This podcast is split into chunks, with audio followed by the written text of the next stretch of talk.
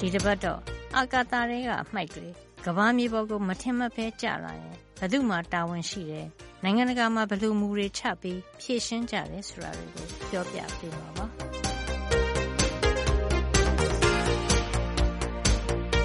မြန်မာနိုင်ငံမြောက်ပိုင်းကချင်ပြည်နယ်ဖားကန့်ဒေသကကြောက်စိမ်းလောက်ကွက်တစ်ခုမှာ2016နိုဝင်ဘာလတုန်းက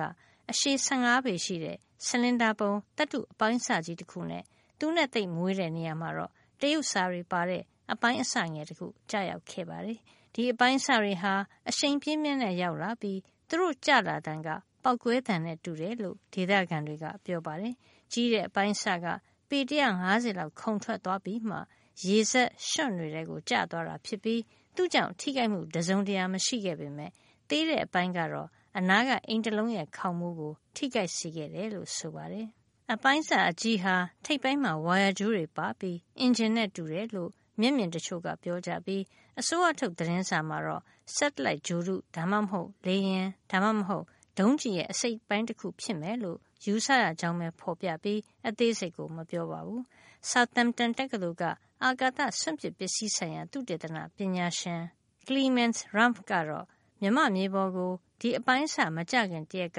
အဲဒီနေရာနဲ့ မိုင်တထောင်လောက်အကွာမှာရှိတဲ့ တရုတ်ကကျူကွမ်းဂြိုဟ်တုစခန်းကနေ ပစ်လွှတ်ခဲ့တဲ့ Long March 2 rocket ရဲ့ အစိတ်အပိုင်း ဖြစ်နိုင်ကြောင်း ခန့်မှန်းခဲ့ပါတယ်။တချို့သိပ္ပံပညာရှင်တွေကတော့ ကချင်ပြည်နယ်နဲ့ မိုင် ၄၀၀ ကျော်လောက်အကွာမှာရှိတဲ့ဆီချွမ်းပြည်နယ်ဆီချမ်းမြို့က ဂြိုဟ်တုတွေ လွှတ်တင်တဲ့နေရာကနေ ကျလာတာ ဖြစ်နိုင်တယ်လို့ တွက်ကြပါတယ်။တရုတ်ဘက်ကတော့ အတည်ပြုချက် မပေးပါဘူး။ NASA အာကာသစူးစမ်းရေးအဖွဲ့က သိပ္ပံပညာရှင် ဒေါက်တာပဒေသာတင်ကတော့ rocket ကမ္ဘာပတ်လမ်းထဲကို ရောက်ဖို့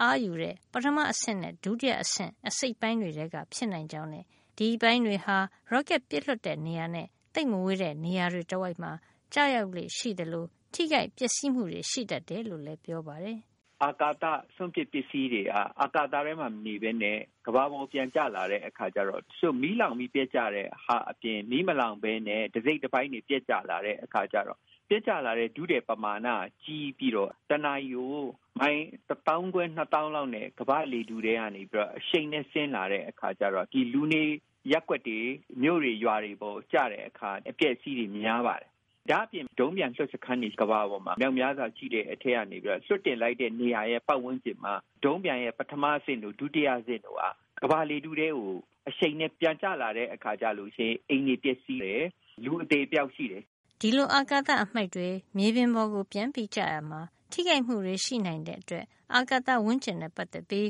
ကမ္ဘာ့နိုင်ငံတွေကြား စည်းကမ်းတွေ သတ်မှတ်ပြီး သဘောတူညီချက်တွေ ချထားပါတယ်။၁၉၇၈ ခုနှစ်မှာ Outer Space Treaty ဆိုတဲ့ ကမ္ဘာ့နိုင်ငံများပါဝင်တဲ့ အာကာသဝန်းကျင် သဘောတူညီချက်ကို လက်မှတ်ရေးထိုးထားပါတယ်။အခုအချိန်မှာ နိုင်ငံတရာကျော်ပါပြီးတော့ အမေရိကန်၊ရုရှား၊ပြင်သစ်၊အင်္ဂလန်၊ဥရောပနိုင်ငံများ၊ဂျပန် အစဖြင့် တရုတ်နိုင်ငံလည်း ပါပါတယ်။ဗမာနိုင်ငံပါဝင်မှု ရှိမရှိတော့ ကျနော် မသိသေးပေမယ့် ပါဝင်သင့်တယ်လို့ ထင်ပါတယ်။ဒီပါဝင်တဲ့နိုင်ငံတွေကအာကာသစူးစမ်းလေ့လာရေးတို့ သိပ္ပံသုတေသန အချက်အလက်တွေ အာကာသဝန်းကျင်ကို အသုံးပြုပြီးတော့ မိုးလေဝသ ရာသီဥတုဘူမူဗေဒရူပဗေဒဓာတုဗေဒနောက်ပြီးတော့ဆက်သွယ်ရေးကိရိယာဂြိုဟ်တုကအစပြုလုပ်ပိုင်ခွင့်ရှိပါတယ်အဲ့တော့အဖွဲ့ဝင်နိုင်ငံအချင်းချင်းလည်းဒီအာကာသနည်းပညာဖလှယ်ဖို့သဘောတူညီခဲ့တဲ့အပြင် DBP ဆိုင်ရာအာကာသဝန်းကျင်ကိုအသုံးပြုဥပဒေနဲ့စီကံတွေကိုလည်းလိုက်နာဖို့အတွက်ကိုသဘောတူလက်မှတ်ရေးထိုးထားကြပါတယ်အခုလိုနည်းပညာဖလှယ်တာတွေသူတေသနလောက်တာတွေအပြင် အာကာသတွေကစွန့်ပစ်ပစ္စည်းတွေကျလာလို့ထိခိုက်ခင်ဘသူစီမှာတာဝန်ရှိတယ် ဘယ်လိုအရေးယူဆောင်ရွက်ရမယ်ဆိုတာကိုပါပြဋ္ဌာန်းထားတာပါမိမိနိုင်ငံအတွက်အာကာသဝန်းကျင်ကိုအခြေခံပြီးသုတေသနပညာရေးစီးပွားရေးဆက်သွယ်ရေးတိုးတက်မှုအလုပ်တဲ့ဟာမှာအပြည်ပြည်ဆိုင်ရာထိခိုက်နေတာဆုံးရှုံးမှုကိုလည်းကာကွယ်ထိန်းသိမ်းဖို့တာဝန်ရှိတယ်ဆိုပြီးတော့ Outer Space Treaty ပြည်ညစာတမ်းထဲမှာပါဝင်ပါတယ် အဲ့တော့ နိုင်ငံတနိုင်ငံရဲ့ အစိုးရပိုင်တဲ့ဂျိုတူပဲဖြစ်ဖြစ် ဒုံးပြင်ပဲဖြစ်ဖြစ် ဒါမှမဟုတ်လို့ရှိရင်အဲ့ဒီနိုင်ငံမှာရှိတဲ့ ပုဂ္ဂလိကပိုင်တဲ့ ဒုံးပြန်ပဲဖြစ်ဖြစ်ဂျိုတူပဲဖြစ် တင်လိုက်လို့ရှိရင် တင်လိုက်တဲ့ပစ္စည်းကြောင့် ပျက်စီးသွားခဲ့ပြီးမိမိတိုင်းပြည်မှာပဲဖြစ်ဖြစ် သူတစ်ပါးတိုင်းပြည်မှာပဲဖြစ်ဖြစ် ဒီလိုဖြစ်ခဲ့လို့ရှိရင် လွတ်တင်လိုက်တဲ့ တိုင်းပြည်ကနေပြီးတော့မှ တာဝန်ယူပြီးတော့ အကုန်ပြန်လျော်ပေးရပါတယ် ဥပမာ အကယ်ကျွန်တော်တို့ဗမာပြည်မှာဒုံးပြန်လွှတ်တင်စခန်းမရှိသေးပါဘူးဒါပေမဲ့ကျွန်တော်တို့ဗမာပြည်ကနေပြီးတော့ဆက်သွယ်ရေးဂျိုတူအနီးပညာသုတေသနဂျိုတူလွှတ်တင်မယ်ဆိုလို့ရှိရင်အမေရိကန်နိုင်ငံ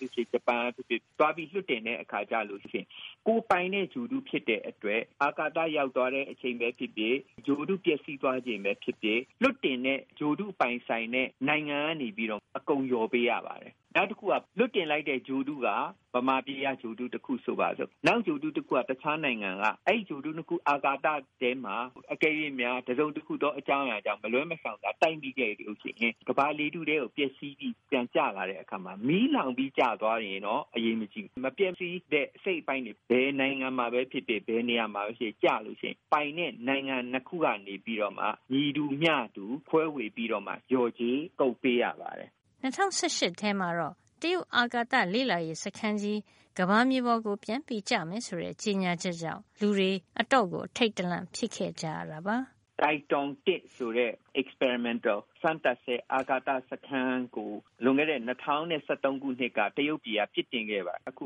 2018ခုနှစ် ဧပြီလ1ရက်နေ့မှာ ကမ္ဘာပေါ်ကိုပြက်ကြတော့မယ်လို့ ပြောတဲ့အခါကျတော့ ဒီအာကာသစခန်းက ၈ တန်ခွဲ9တန်လောက်လေးပြီးတော့ တနာယူ1000ခွဲ2000လောက်ချိန်နေဘယ်မှာကြမလဲဆိုတာ မသိပါဘူးပြန်ကြမယ်ကလူတွေမျိုးရွာပေါ်ကြမလားဆိုပြီးတော့မှ အထိတ်တလန့် ဖြစ်ခဲ့ပါတယ် ကံကောင်းကျင်တော့ဒီဟာဒီကဘာလေတူးတဲ့ရောက်တဲ့အခါမှာအစိတ်စိတ်အမွှာပေါ့ပေါ့နော်လေတူးနဲ့တိုက်ပြီးတဲ့အခါကျမီးလောင်ပြက်သွားပြီးတော့တချို့တစ်စိတ်တစ်ပိုင်းလောက်ပဲ Pacific တောင်သမုဒ္ဒရာတွေကိုကြားခဲ့ပါဒါကြောင့်လူအသေးအပြောင်းမရှိခဲ့ပါဘူးဒီလိုအဖြစ်မျိုးတွေဟာအချိန်မရွေးကြုံရနိုင်တာမို့2016ထဲမှာအာကာသအမှိုက်ကျတာနဲ့ကြုံခဲ့ရတဲ့မြန်မာနိုင်ငံအနေနဲ့ နိုင်ငံတကာအာကာသဝန်းကျင်ဆိုင်ရာသဘောတူညီချက်ကိုလက်မှတ်ရေးထိုးထားတဲ့ပါတယ်လို့ဒေါက်တာပရိဒါတင်ကအကြံပေးခဲ့ကြောင်းတင်ပြရင်းဒီသတင်းပတ်အတွက်သိပ္ပံနဲ့နည်းပညာကဏ္ဍကိုဒီမှာပဲရနာလိုက်ပါရစေ။နောက်တစ်ပတ်မှာပြန်ပြီးဆောင်ကြအောင်နော်